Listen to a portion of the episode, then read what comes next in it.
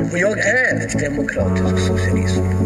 Med stolthet och med glädje. Kvar min grundtro på att det går att påverka samhället, det går att påverka utvecklingen. Medborgarnas krav kan tillgodoses endast av det starka samhället. Hej och välkommen Adnan Dibrani till Riksdagspodden. Kul att du är här. Hej, tack för att jag får vara med. Ja, bra. Jag tänkte att vi idag skulle prata om någonting som heter diaspora. Och jag tänkte att vi ska berätta vad det är först, men också varför just du liksom är här och pratar om det. Eh, vad, är, vad är diaspora? Ska vi hjälpas åt att försöka förklara det? Eller? Ger du mig det uppdraget? Det är alltså enkelt uttryckt, en diaspora, eller diaspora, det beror på, säkert på vem man frågar hur man uttalar det där. Men eh, man skulle kunna säga att de svenskar som lämnade Sverige för USA på den gamla goda tiden, det är vår diaspora i USA. Och eh, för min del så är det ju när mina föräldrar lämnar Balkan och Kosovo, ja då blir ju de albanerna eller eh, ättningarna till dem blir en diaspora i Sverige. Mm. Man har en bakgrund i ett annat land. Mm. Det finns säkert en jättefin definition på det. Men vi bryr oss inte om de akademiska, ungefär Precis. så betyder det. Ja. Och du och jag är kollegor, du är riksdagsledamot ifrån Halland. Ja. Vi sitter i finansutskottet tillsammans, så det är liksom ungefär det här surroundings, hur, ja, hur det ser ut liksom. Men kan inte du berätta lite Adnan, för du har en ganska eh, spännande ändå bakgrund i ditt liv. Du är inte född i Sverige? Nej. Nej. Och det är ju kanske också därför jag tillhör den kosovoalbanska diasporan i Sverige. Jag är född nere i Mitrovica eh, 1985. Eh, och 80, 88-89 kom min familj eh, till Sverige. Men på den tiden visste man inte riktigt vad som pågick nere på Balkan, så att runt 90 fick man utvisningsbesked. Eh, och då fick man snällt backa ihop och åka buss tillbaka. Och jag har faktiskt ett minne när vi går av bussen i Kosovos huvudstad Pristina. Eh, sen var jag tvungen att gå lite tid och dessutom hände saker på Balkan med Bosnienkrig och annat och även Kroatien som gjorde att folk fick upp ögonen för att det var någonting som pågick. Så att 91, 92, då kom familjen tillbaka för att söka ännu en gång på nya skäl. Eh, och 94, då var jag nio år, fick vi i princip stanna. Eh, då fick rätt så många andra amnesti också för man insåg ju att det går inte att skicka dem eh, ner dit i dagsläget. Så att egentligen från fyra års ålder till nio års ålder så pendlar man fram och tillbaka med familjen. Över hela Europa tänkte jag sagt. Och jag är idag då, precis som du säger, vi är kollegor, så jag är idag riksdagsledamot och farsa till tre barn eh, som inte har en aning om vad diaspora betyder. För i deras huvud, vilket är helt rätt, är de bara svenskar. Och lyssnar de på en albansk låt i en bil så säger de “Pappa, vi vill inte lyssna på albansk musik”. så att jag får representera något annat när jag sitter i bilen. Ja. Men du har ändå, så du har liksom ditt, ditt modersmål från början? Är albanskan. Ja. Så att det, och det har vi alltid pratat hemma, i alla fall mm. försökt. Sen, eh, jag menar, titta på mig och mina syskon eller mig och min fru eller vad det månde vara. Vi pratar ju bara svenska med varandra, även om vi försöker. Det, det blir väldigt mycket mm. blandning mm. i systemet. Det blir lätt så när man... Mm. Egentligen all min skolgång har jag varit på svenska, så att det är svårt. Och den enda albanska jag kan, det kommer ju från mina föräldrar. Mm. Jag har ju liksom aldrig gått i skolan. Mm. och lärt mig albanska. Nej, just det. Så du har det med dig hemifrån, men precis, det svenska precis. som du har Ja, fått. egentligen är ju det ja. ett modersmål på ett mm, sätt. Liksom. Mm. Men det är en ganska häftig utveckling, tänker jag, för dig. Nu är du riksdagsledamot, representerar en del av Sverige och hela Sverige precis, förstås som riksdagsledamot. Men tänker du att det Tänker du att det spelar någon roll för dig? Och, och på vilket sätt i så fall att du har den bakgrunden som du har? Och finns det förväntningar på dig som inte andra har med samma bakgrund? Det spelar ju roll till den delen av att man har ju med sig det som ett bagage, en ryggsäck. Eh, och det har ju format en, eh, det man har upplevt. Men det, för mig, jag brukar göra det väldigt enkelt för mig själv. Det spelar precis lika mycket roll att jag har bott i Degerfors och fått med mig en massa saker från de arbetarkvarteren till att jag nu bor i Varberg. Har fått lära mig en massa där och det är där jag egentligen vuxit upp i Varberg och en liten by utanför som heter Tvåker. Så att alla de här ryggsäckarna sammantaget spelar ju roll. Eh, sen är ju inte trycket från, från Degerfors lika stort som trycket från diasporan kring mitt uppdrag som riksdagsledamot. Men en sak som är väldigt viktig i det uppdraget jag har är liksom att jag har ju aldrig blivit vald Även om jag har den bakgrunden så har jag ju aldrig blivit vald eller ställt mig på en lista för att få ett förtroende som någon form av diaspora eller alban. Utan mm. jag är ju svensk riksdagsledamot från Halland. Mm. Väldigt, och det har varit väldigt tydlig gentemot också. Man får ju, jag råkade ju bli den första med albanskt ursprung som sitter i ett parlament utanför vad ska jag säga, de albanska länderna i form av Kosovo och Albanien. Vilket gjorde att det blev ett väldigt stort medialt tryck på en. Eh, och då blir det ju väldigt enkelt att ställa frågor kring vad ska du göra för albanerna? Mm. Och då är det liksom, går man in i den matchen då blir det problematiskt. Mm. Eh, så att jag har liksom väldigt tydligt alltid sagt, men herregud, jag är ju svensk riksdagsledamot. Jag är inte albansk riksdagsledamot i Sverige. Mm. Sen kan jag göra jättemycket för Kosovo, jag kan göra jättemycket för Albanien, men jag kan, min ingång är liksom att det jag gör som sosse i Sverige, det gynnar ju oss alla. Jag går liksom inte runt och tänker att det är bara den eller den eller den som ska få det, utan när vi gör någonting. Och det kan jag säga att det har jag fått jättestor respekt för bland folk, gemene man ute.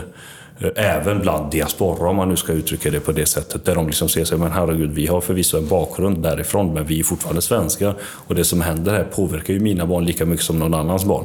Så att jag har aldrig haft någon nackdel i det. Utan snarare bara en fördel, för de har kunnat säga att men han förstår hur vi har det.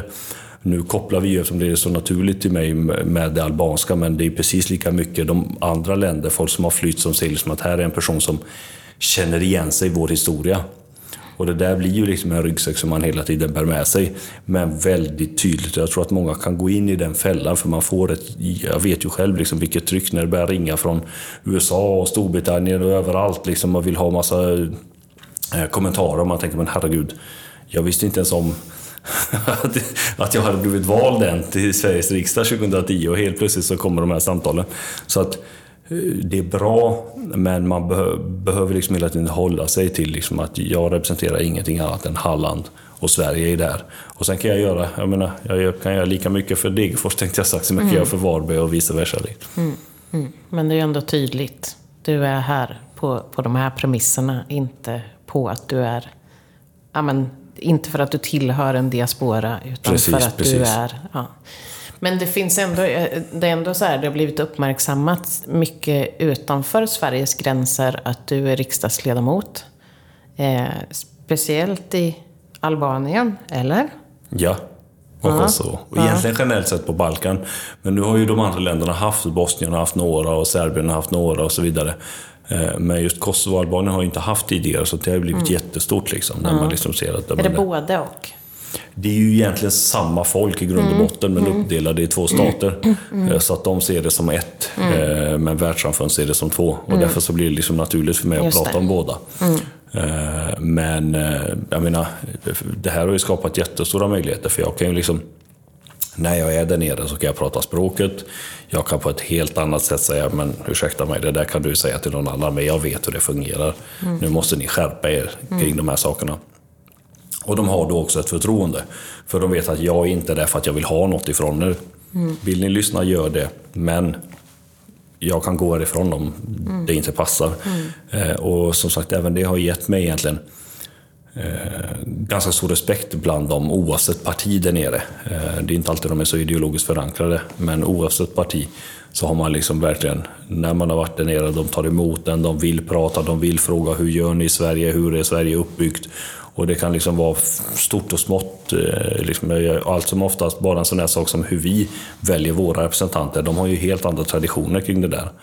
Eh, med stängda öppna listor och så vidare. Så det behöver inte alltid bara vara politiken, utan också hur fungerar det demokratiska eh, styrelseskicket? Hur gör man för att få ihop en bra lista? Hur ska man tänka? Hur har ni tänkt? Och så vidare. Så att, eh, ja, jag tycker det är jättekul. Tänker du att du är lite av någon slags, nu använder man ju liksom ordet ambassadör i mer än ordet ambassadör. Känner du att du är ändå en svensk ambassadör när du är på plats liksom, eller hur? Alltså när jag är där nere så är jag ju aldrig mer svensk än när jag är där nere. Mm, mm. För de tycker ju liksom, nu kommer den där svensken som ska tala om för oss. Mm. Det är så lätt för er där, men när ni kommer hit, så är, och det borde ju du förstå. Eh, så att eh, självklart blir man ju en ambassadör, men samtidigt blir jag en ambassadör åt andra hållet också. Jag vet ju att det blir ju liksom en helt annan femma gör Eva någonting dumt så står det liksom riksdagsledamoten Eva mm. och ingenting annat. Men gör Adnan något dumt, då kommer det att stå Adnan, riksdagsledamot med albanskt ursprung. Och det kommer liksom slå på alla. Mm. Eh, och det där måste jag ju hela tiden ha med mig. Liksom att oavsett vad jag gör, på gott och ont, kommer alltid bli liksom att där blir jag aldrig helt hundra svensk, utan det kommer vara tvunget till att tala om att jag hade det bakgrunden. Eh, men sen har det, det har jag alltid levt med, så att det är liksom ingen eh, ny grej för mig. Men det är ju orättvist så tillvida liksom att man vet att man aldrig liksom har... Man är aldrig riktigt helt hundra. Mm. Vad tänker du om det? jag tänker att det spelar ändå roll. Som du säger, någonstans i bakgrunden. Eller känns det som att du säger så här, det har jag vant mig vid? Nej, men det blir ju att man blir mer, man skapar sig, man ger sig själv lite mer eh, press kanske, men framförallt blir det en jävla anamma. Liksom. Man vill visa att, nej men vad fan. Mm. Det här får inte, jag ska inte göra något, jag ska visa för dem att det här mm. fungerar och att mm. jag är som vilken annan person som helst. Och inte bara jag, utan en massa andra. Mm. Men det, och det behöver inte bara liksom vara så att det blir albanen Adnan, utan det kan mycket väl bli så just namnet, lite invandrare. Alltså när det händer sådana grejer, då är det så lätt att slå på det och då slår det generellt sett på alla som har en invandrarbakgrund. Liksom. För det blir så mycket mer media, det är så mycket roligare att skriva om och så vidare. Eh, så att visst kan man tycka att det är orättvist, men det är någonting jag liksom...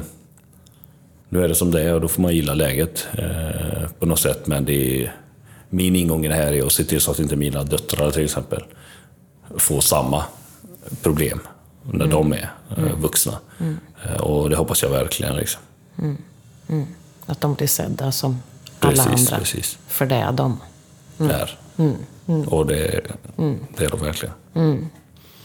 Tror du att det finns, liksom, jag tänker, eh, jag antar att dina föräldrar är hyfsat stolta över dig. som eh, de flesta föräldrar, inte alla, men de flesta föräldrar är över sina barn och det man gör. Men tror du att det finns en annan typ av liksom stolthet med tanke på din bakgrund? Nej. Kanske inte bara dina föräldrar, ja. utan liksom runt omkring så. Nej, men det blir ju, det, självklart är ju föräldrarna stolta och det tror jag alla föräldrar hade varit oavsett eh, var man kommer ifrån tänkte jag sagt. Men eh, det, det, blir ju också en annan typ för att här blir liksom det blir inte bara en stolthet från mina föräldrar utan det blir en stolthet från så många fler. För de vet att under lång tid så kanske man har pratat ner vad är det för, vad gör de där albanerna? Ett tag så gick en viss minister ut och sa akta era cyklar för nu kommer albanerna i början på 90-talet, de kommer sno dem och så vidare. Och så, vidare. så det var väldigt mycket, mm. det har funnits väldigt mycket mm, skrönor kring folk från Balkan och framförallt albaner och så vidare. Och det där har man liksom någonstans i och med det, jag ser ju det nu i de nya generationerna, det där har försvunnit helt. Nu kan du träffa en person på Försäkringskassan, på Skatteverket och du har ingen aning om att den personen är från Balkan. Mm. Det enda du, får, du, du, du, kanske ser det på namnet efter ett tag, men du märker inte av det på sättet den pratar, du märker inte av det på något annat sätt. Eh, och, och, det har ju gjort att bilden har ju förändrats radikalt. Jag märker ju på mig själv, jag menar från det att jag kom in 2010, där jag i princip var ensam eh, med den här bakgrunden eh, på listor generellt sett, till att det nu finns överallt och i alla partier. Så att någonstans har man också kanske då visat för andra människor, eh, oavsett bakgrund, att det går. Har jag lyckats, och det brukar jag ofta säga när jag är ute blir på skolor och annat, men herregud, har jag lyckats göra detta så kan vem som helst lyckas. Och det där tror jag är bra för människor att höra. Och se liksom att det är liksom ingen ärvd plats eller det är ingenting som jag liksom betalat för, utan det är ett förtroende man har fått. Och så länge man har det så tycker jag det är svinkul att hålla på med det. Mm vi är ju båda lite sådär att man tycker att det känns lite jobbigt det där med att vara förebild och sådär. Men det kan ju ändå vara så att du faktiskt är en förebild på det sättet att man, du har mm. kommit hit där du har kommit. Liksom. Nej men det är mm. precis som du säger, alltså, jag är ju trots min relativt unga ålder, på hela 36 jordsnurr, så blir det ju... Så, sociala medier är inte riktigt min grej. Mm. Och det gör liksom att jag, jag, jag, är så jädra sämst på att sälja in mig själv. Mm. Och bara en sån där sak om att kalla mig själv för politiker tycker jag är jättejobbigt. För trots att man har suttit här i snart 12 år så tycker man fortfarande inte att man är politiker. Och det där, alltså de som känner mig allra mest och de som kanske på ett eller annat sätt träffat mig i valrörelser och annat på hemmaplan, de förstår vad jag menar. För att när de träffar mig så träffar de liksom inte riksdagsledamoten. Utan att de träffar Adnan, sossen Adnan. Mm. Alltså, det, alltså de tänker liksom inte på att det här är en person som... På, och, och det där tror jag har varit en styrka eh, för mig att man liksom inte bara varit politiker utan man har också varit annan. Mm. Och det tror jag, man har haft föreningsliv och jobbat och så vidare som har gjort liksom att folk har fått se en på andra ställen innan man gick in i den här rollen. Och det skyddar den på något sätt, för då finns det alltid folk som säger men herregud, han har inte bara den bakgrunden utan han har faktiskt gjort det där eller det där också. Finns det något särskilt som du tänker, du var inne, du berörde ju det förut, men finns det något särskilt du tror att du har lättare att förstå eller som du ser som inte jag eller någon annan? Ja du, det finns ju en sak som jag ofta tänker på. Eh, jag säger inte att den är sann och jag vet inte riktigt hur jag ska försöka tänka medan jag säger det. Men jag tror du kommer förstå vad jag menar. Jag tror att för en kille som mig som kommer till ett land där jag får alla möjligheter på grund av att det finns ett parti eh, som byggt upp det här landet och sett till så att människor oavsett bakgrund får en möjlighet att växa och bli den man vill bli egentligen. Eh, och har alla möjligheter i världen. Gör att jag kan se det på ett helt annat sätt ibland känner jag och vara stolt över det för det är någonting som är nytt och jag vet vad många andra inte har. Men för många som kanske är födda och uppvuxna här så har de ju svårt, för de tar det för givet. Det finns ju liksom inget annat de har sett. Mm. För mig räcker det med att ringa en släkting nere på Balkan så vet jag ju, jag tar mig ungefär som Sverige var för hundra år sedan. Mm. Så att jag får ju hela tiden den påminnelsen. Eh, och det brukar jag ofta tänka på, liksom att när man får någonting, ja ni vet inte hur det är. Alltså, är det mm. någonting jag vet så är det hur jäkla grymt det här landet är mm. och hur stolta vi ska vara. Det betyder inte att vi ska vara nöjda, för det finns mycket grejer vi behöver mm. liksom hantera. Mm. Men det är också det här landet som har gjort att många av oss har fått en chans och att vi är, och det är vårt parti som liksom i princip byggt upp det här landet. Jag menar, tittar vi på vår sosseros, i princip allt det som folk tar för givet, mm. Kan man i princip titta på den och säga att ja, det var de som gjorde det. Mm. Och det där tror jag vi behöver vara stolta över och lyfta upp mer. Och, men vi är så inne på att liksom kanske prata på någon enskild fråga eller göra det så avancerat för folk och så vidare. Och jag tror vi behöver liksom i politiken göra det väldigt enkelt och prata om det som kanske många tar för givet. Alltså de stora eh, eh delarna. Och det är en sån här sak som jag tror, för att svara på din fråga, är en sak som jag tänker på mer än vad kanske om man ska mm. gemene man gör. Mm. För att man är så van med att det i princip alltid har varit så. Sen kan man ju tänka sig att de som är lite äldre, de vet ju vad de hade och vilket land de lämnar efter sig. Mm. Men många som är yngre behöver ju den hjälpen, för de har ju ingen aning. Nej. Så att, eh, det är nog olika. Jag fattar vad du menar. Det blir så nära till hands att, att skillnad, alltså skillnaderna mm. faktiskt beroende på i vilket land man är uppvuxen eller lever i liksom, så gör de där skillnaderna väldigt, är väldigt stora fortfarande. Yes. Ja, men jag tror också att man ibland, jag, jag tänker också, jag håller med om att att vara stolt behöver ju inte innebära att man inte vill göra något åt de problem som fortfarande finns. Man kan fortfarande vara stolt över den utveckling som är. Liksom. Mm. Eh, men det innebär inte att vi lutar oss tillbaka och tänker att allting är frid och fröjd nu. Utan det finns ju fortfarande liksom tankar om mm. vad man vill göra istället. Och jag tror att det är en sån vi behöver lyfta oftare. Alltså när folk frågar mig Ja, för man pratar ju nästan aldrig om det man är stolt över, utan det är alltid någonting som går åt helvete, eller någonting man mm. behöver göra och så vidare. Vilket gör att man glömmer allt det här andra som är suveränt med vårt land. Och därför tror jag att det är viktigt att man nästan överallt när man kommer ut och pratar också lyfter upp om, herregud, ta det lugnt. Mm. Vi lever i utav världens, ett av världens bästa länder. Vi har mycket att vara stolta över. Men utifrån det som vi vill och har ambitioner kring så måste vi liksom fortsätta jobba. Mm. Men att man verkligen ger sig själv den mm. klappen på axeln och framförallt påminner den andra om att så dåligt har vi väl inte. Det kunde varit mycket värre.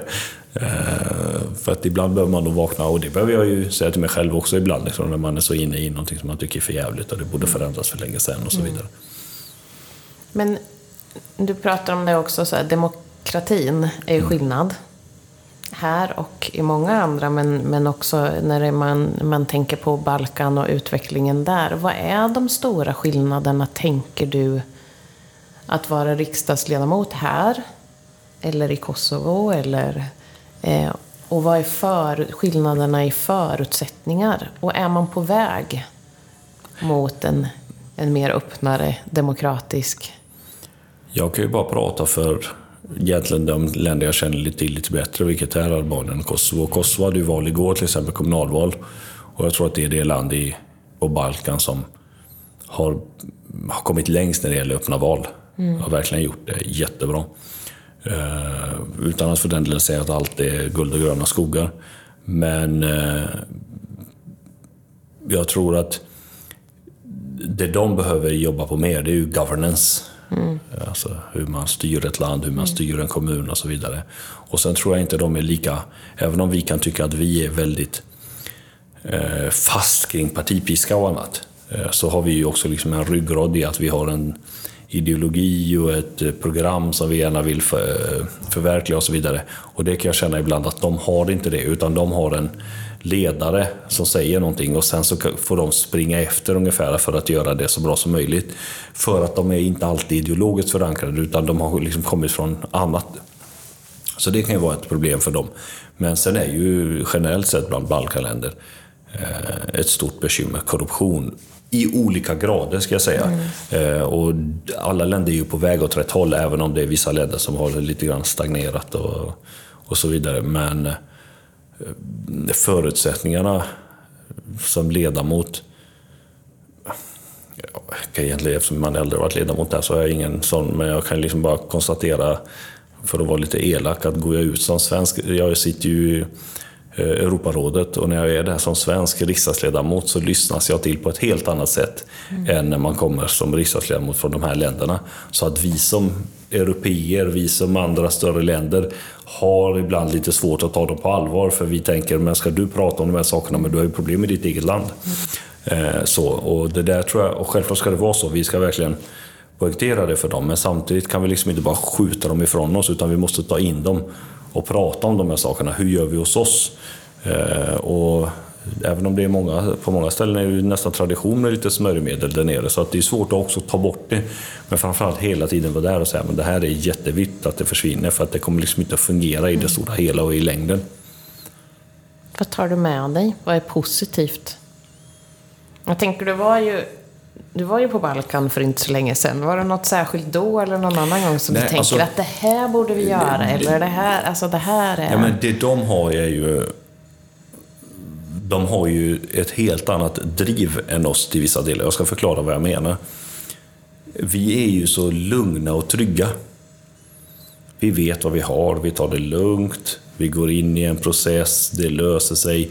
Eh, vi har, liksom, allting sitter i väggarna. Där nere är de ju vana med att de behöver slåss för sitt liv i princip var och varannan dag, vilket gör att de blir till sist mer skärpta än oss. Så är inte vi med på banan så kör de över oss om det skulle vara i en debatt. Mm. Jag säga, för de är så vana med att det ska gå så här. Mm. Mm. Medan vi liksom, och det kan jag känna ibland, det behöver vi också få in lite, lite krydda i mm. systemet mm. så att vi liksom inte somnar till liksom när folk tittar på oss. Utan eh, få in det där, här jävla anamman eller vad man nu ska uttrycka det. Men det kan jag känna att det där saknar vi lite grann ibland. För att vi har, det är så tryggt där, det är lugnt. Är det skillnad, tänker jag, man pratar eller debatterar politik? Använder man andra sätt att... De är ju mycket mer amerikaniserade på det sättet. Mm. Det är mm. stora gatherings och ah, det är ah, liksom okay. bubblor och mm. liksom ballonger och hela faderullan. Mm. Mm. Det, det, är liksom inte landet lagom som oss mm. Eh, på det sättet. Utan där ska liksom vara det det står. Jag menar, jag märker det när jag går på ett medlemsmöte hemma. Jag är som vilken annan medlem som helst. Så här mm. råkar jag vara mm. riksdagsledamot på grund av att de har mm. valt mig. Men för mm. mig är jag vilken annan ledamot som, medlem som helst. Så jag går och sätter mig längst bak eller bland alla andra. Men där nere Kommer jag till ett möte, då ska jag ju liksom tvingas. Längst fram ska jag sitta och helst i en egen stol och alla ska sitta bakom och nästan klappa händer. Det blir lite Kim Jong-Un-varning över det hela. Men Samtidigt är det deras sätt att visa uppskattning och respekt, så att man får liksom, det är inte alltid dåligt. Men som svensk blir man ju såhär, herregud, låt mig sitta längst bak. När det är dags för mig så kan jag gå fram, det är ingen mm. fara. Jag behöver mm. inte sitta mm. längst fram. Liksom. Men eh, för dem är det jätteviktigt att det, och det är mycket i form av att nu kommer riksdagsledamoten, nu kommer mm. riksdagsledamoten, nu kommer mm. ministern. Alltså det, mm. eh, så det är väl den stora men det tänker jag också, men spontant sådär så tänker jag att men det är klart man vill visa respekt, men det, det för med sig att det kanske blir svårare att leva ett vanligt mm. liv. För vi här, om man är riksdagsledamot i Sverige så cyklar man själv till mm. till tåget och bär sina egna. Alltså det blir ett ganska... Vi lever ett vanligt liv. Precis. Eller? Jo, men, jo absolut. Eller är, är det, det bara en fördom som man har liksom, eller så här, jag, jag vet inte. Nej, alltså, och det är till viss del helt rätt. Alltså, sen är det lite grann... Jag tror inte alla har det så där nere, men väldigt många har det. Liksom, framförallt har de bilden av att, det, det säger de ju ofta när jag är på besök, vanligt folk där nere, liksom, att man herregud, du har du ingen chaufför? Har du ingen liva? Har du mm. ingen som jobbar mm. enbart för dig? Mm. Nej, det har jag inte. Mm. Borde jag ha det? Eller? Mm. Medan de är så vana med att deras har det. Mm. Och sen betyder det inte att alla har det, men det finns en bild av att det är så. Och det där måste ju de hantera gentemot sina väljare. För det blir liksom väldigt konstigt om deras väljare tror att de lever lyxliv, men de kanske inte gör det. Men det är, liksom, det är den bilden de själva har satt. Eh, vi går ju runt här och är väldigt noga med att jag vill inte få någon favör för att jag är riksdagsledamot. Så jag tycker nästan det är jobbigt att berätta för någon att jag är riksdagsledamot. Eh, Medan där nere är ju kanske bland det första de säger. Och inte bara de, utan det är så inpräntat i systemet så att kommer någon på besök så är det första de säger Det här är vår riksdagsledamot. Mm. Alltså då ska de lyfta en. Och så man kommer liksom inte ifrån det även om man vill. Så att eh, nej, det är faktiskt en jättestor skillnad från mm. där och här hemma. Mm. mm. Jag tänker, är det, något, är det något som vi har glömt att prata vi, äh, vi har ju massor att prata om, men jag tänker Just på det, det, här, på, det här, på det här temat. Nej, inte vad jag kan komma på eh, nu i det här läget. Jag tror att vi har lyckats få med det mesta kring hur det kan vara att ha en fot. En fot där och en fot här. Ja. Eh, men ja, det mesta är fortfarande. Jag tycker det är jätteroligt när du har varit iväg eller när du har pratat. Så jag tycker det är superspännande. Ja, Man det... lär sig ju liksom mer också. Mm. Det blir ju också nära på ett annat sätt. Så jag tänker att det har du ju ändå med dig. Alltså det gör ju skillnad, tänker jag, för det du har. Absolut. Både att du själv hör att det är skillnader. Att liksom mm. vilken, vilken skillnad politik faktiskt gör det blir tydligt mer än, än för många andra. Men det är också så att du sprider ju en, en kunskap och liksom mm. kännedom om en del av Europa och världen som kanske inte alla har jättebra koll på. Alltid, än, även om det faktiskt är i Europa. Ja, för mig är det ju liksom en win-win. När jag är där nere, då sprider jag ju det som vi är bra på. Och det blir liksom så att Sveriges varumärke stärks i, i systemet. Eh, men samtidigt är det gött för att när jag kommer hem, när man har varit där, och så ser man liksom hur jobbigt det är att vara fackligt aktiv, hur svårt det är att bilda klubbar, hur svårt det är att få ut sin lön rätt dag. Du kanske kan gå flera månader utan att få din lön. Du hamnar i ett läge där du inte ens vet Ska jag gå, då får jag ingen lön alls. Mm. Ska jag stanna kvar så kanske jag kan få ut mina fem löner samtidigt nästan. Alltså du, du blir liksom tillfångatagen av systemet. Eh, och det där glömmer ju folk av så att när jag, när jag då kommer hit och det är ju, jag menar jag glömmer ju också det efter ett tag, men det är sånt som gör att jag då tänker, men herregud, det är det vi har gått ifrån. Och det är ingenting som är liksom någonting som man kan ta för givet. Nu ska det mycket till för att vi ska hamna där igen. Men det, med små justeringar så kan vi hamna i liknande saker.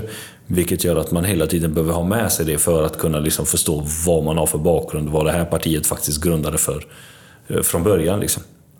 Eh, så att nej, jag brukar alltid få med mig någonting. Egentligen från alla resor man gör, men just här blir det ju liksom att man får en awakening varje gång man åker ner och ser mm. Sverige för hundra år sedan. Mm.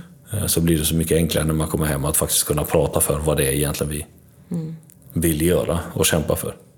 Jag blir så nyfiken. Jag tänkte på det. När, när blev du socialdemokrat? Känner du att du alltid har varit det? Eller var det liksom någon sån här Ja, alltså jag tror att jag alltid har varit socialdemokrat. Eller det, jag har liksom inte varit något annat. Men... Eh, och när jag blev medlem i partiet var ju över 20 år sedan. Egentligen SSU ska jag säga, inte partiet. Eh, och det lottade sig så att våran eh, nuvarande inrikesminister bland annat var på besök tillsammans med massa andra SSU-are. Och vår nuvarande inrikesminister Mikael Damberg. Eh, och de hade någon debatt. Och jag lyckades gå in i den debatten. Och av någon anledning så började jag försvara dem. Utan att egentligen veta vilka de var. Och då ställde sig de frågan, men herregud, vem är du? Och jag bara, jag är ordförande för elevrådet och lokala styrelse och allt sånt på den här skolan. Och detta var ju liksom, vi pratade med en skola som kanske då var ja. sjunde största gymnasiet i hela Sverige. Mm. Eh, och de bara, du har aldrig tänkt på det här med SSU? Och jag bara, vad, sa du för något? SS, SS vad? Eh, och, och, på den banan är det liksom. Och då mm. vart ju liksom SSU nedlagt hemma. Så då fick man starta upp det och så, så liksom varit det där. Men jag, jag är glad över att jag gick in i det tidigt. Framförallt fick jag ju lärt mig en massa från dem.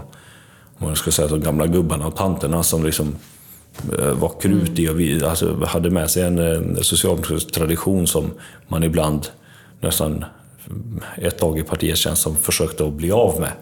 Eh, så att eh, de där betongsossarna lärde mig en hel del. Och det är de som har gjort att jag kan stå så stabilt i mina värderingar idag. Liksom. Mm. Tillsammans med den liksom, bakgrund och allting annat runt omkring. Men jag menar, det är ganska lätt att vara socialdemokrat när man vet att utan de socialdemokratiska värderingarna och det socialdemokratiska partiet så hade inte Sverige varit det Sverige är idag. Mm. Och det innebär i princip att jag inte hade haft de här möjligheterna jag har mm. haft och fått. Och det vill jag liksom att fler ska få. Eh, mm. Så att det blir för mig, väldigt, nu är det här väldigt enkelt men mm. det är inte svårare än så. Nej. Så, att, uh... så du är född socialdemokrat, bara ja. att du lärde dig att sätta ord på Precis, det? Precis, senare i livet. ja. Jag brukar säga född kommunist, för det var typ alla på Balkan. Alla ja, var kommunister, så att jag har ju liksom inte varit på den andra sidan, utan snarare gått åt det högra hållet på den skalan. Ja. Finns det något som du särskilt brinner för fortfarande? Ja, så är det någon fråga nu sitter vi båda i finansen, så det är ju alltid mm. de frågorna man får och hur viktigt det är med stabila mm. offentliga finanser och så vidare. Men det är någon fråga som jag ursäkta, aldrig släpper så är det utbildningsfrågan.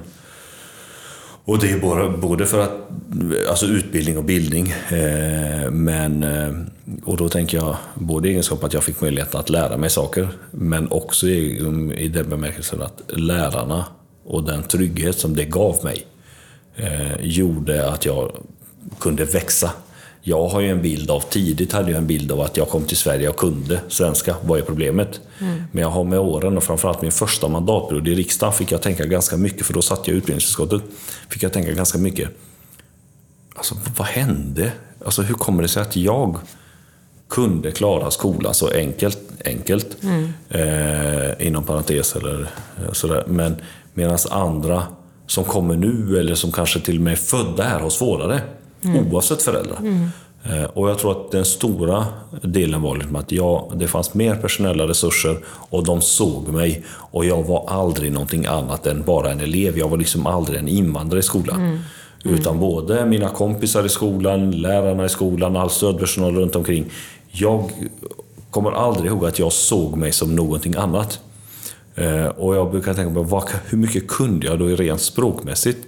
Och det enda jag kommer ihåg är att i samband med Estonia-katastrofen när jag sitter i skolan och ska prata svenska så gungar jag på stolen och säger Power Rangers, Power Rangers. Det är alltså min svenska som jag trodde var superbra. Mm.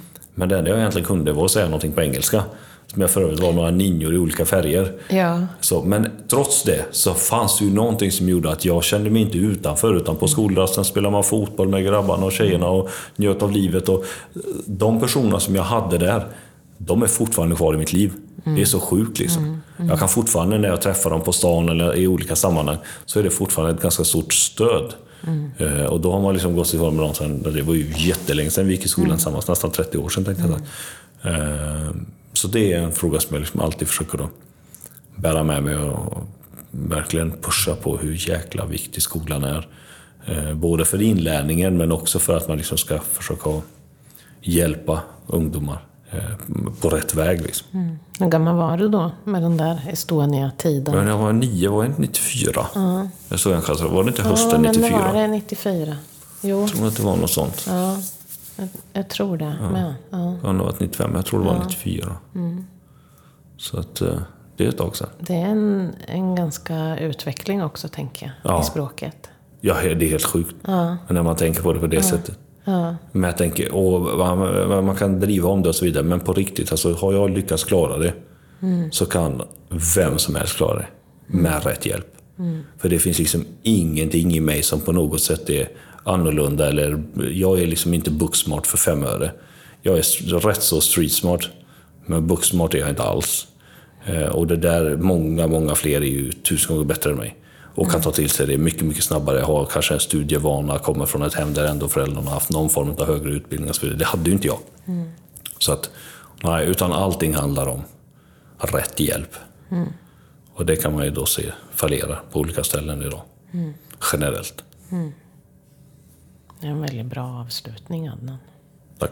Mm, verkligen. Jättetack, verkligen, för att du kom till Riksdagspodden. Superintressant att prata med dig. Tack själv, Eva. Riktigt kul faktiskt.